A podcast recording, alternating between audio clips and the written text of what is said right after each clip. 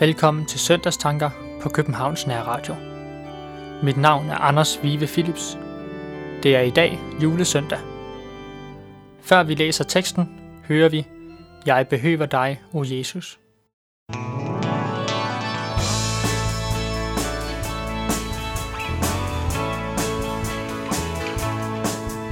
Jeg behøver dig, o Jesus, til jeg har fået synd i mig. Hjertet er så mørkt og øde, er så koldt og dødt i sig. I det dyre blod alene, kan det blive rent og godt. I den kilde vil jeg bade,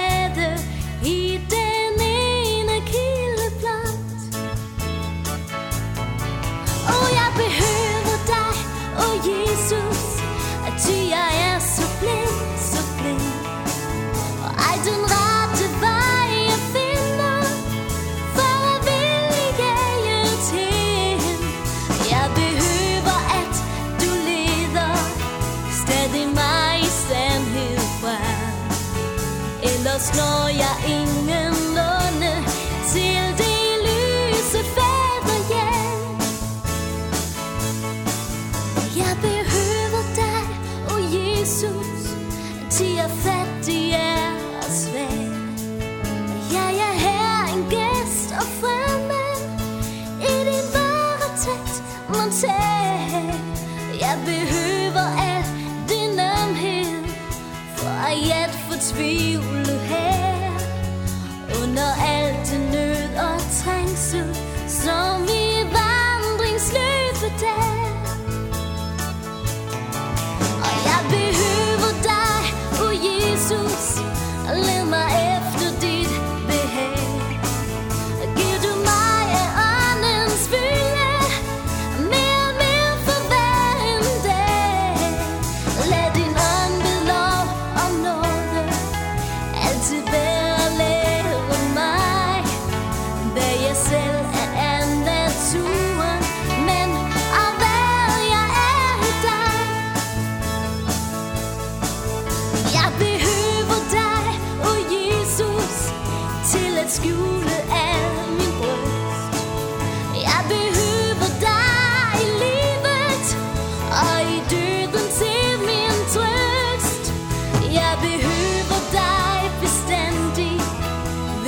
ved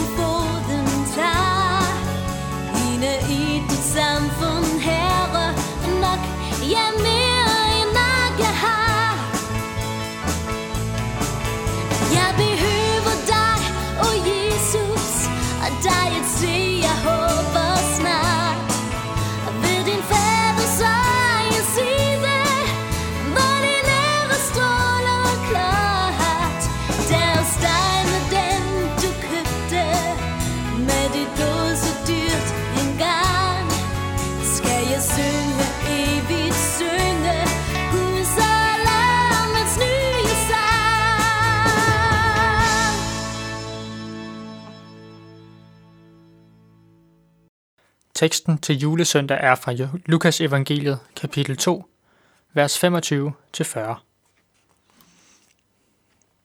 I Jerusalem var der en mand ved navn Simeon.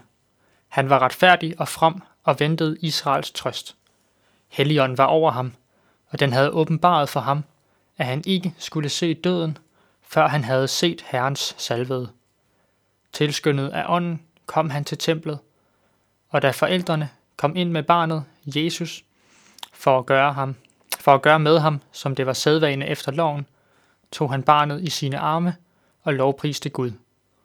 Herre, nu lader du din tjener gå bort med fred efter dit ord, for mine øjne har set din frelse, som du har beredt for alle folk. Et lys til åbenbaring for hedninger, og en herlighed for dit folk Israel. Hans far og mor undrede sig over det, der blev sagt om ham. Og Simeon velsignede dem og sagde til Maria, hans mor, Se, dette barn er bestemt til fald og oprejsning for mange i Israel, og til at være et tegn, som modsiges.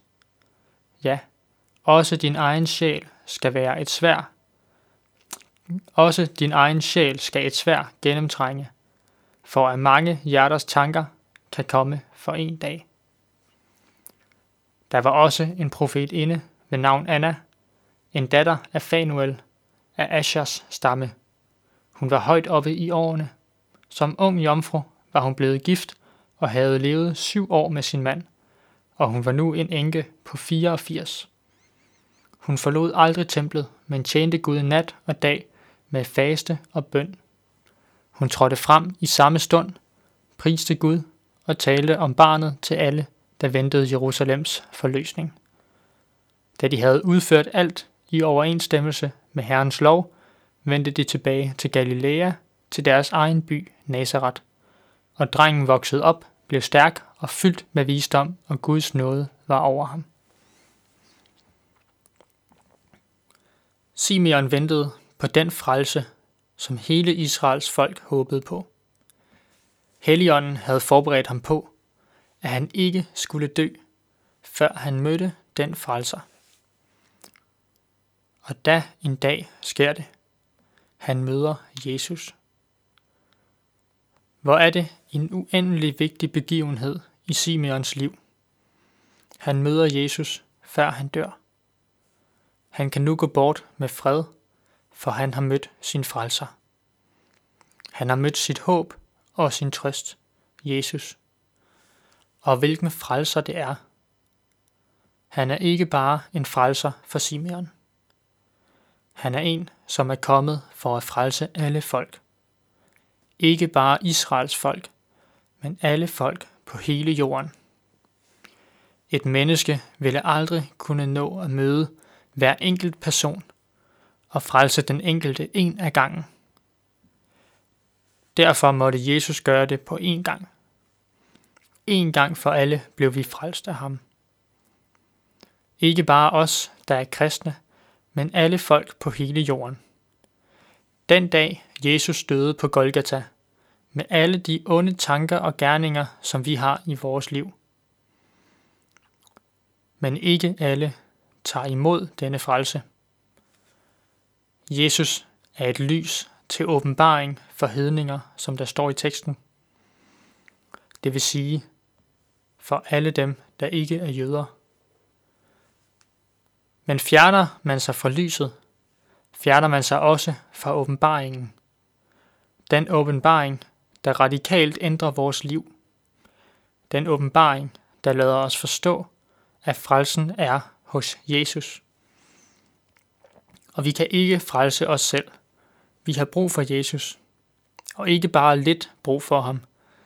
Vi har brug for, at han indtager hovedrollen i vores liv at han bliver central for alt, hvad vi gør. Og at livet i lyset af Jesus bliver det liv, vi ønsker at leve. Det er den åbenbaring, vi får, når vi træder ind i lyset fra Jesus. Når vi ønsker at være nær ved ham, bruge tid med ham og kendes ved ham. Et lys åbenbarer ting, man ikke før kunne se.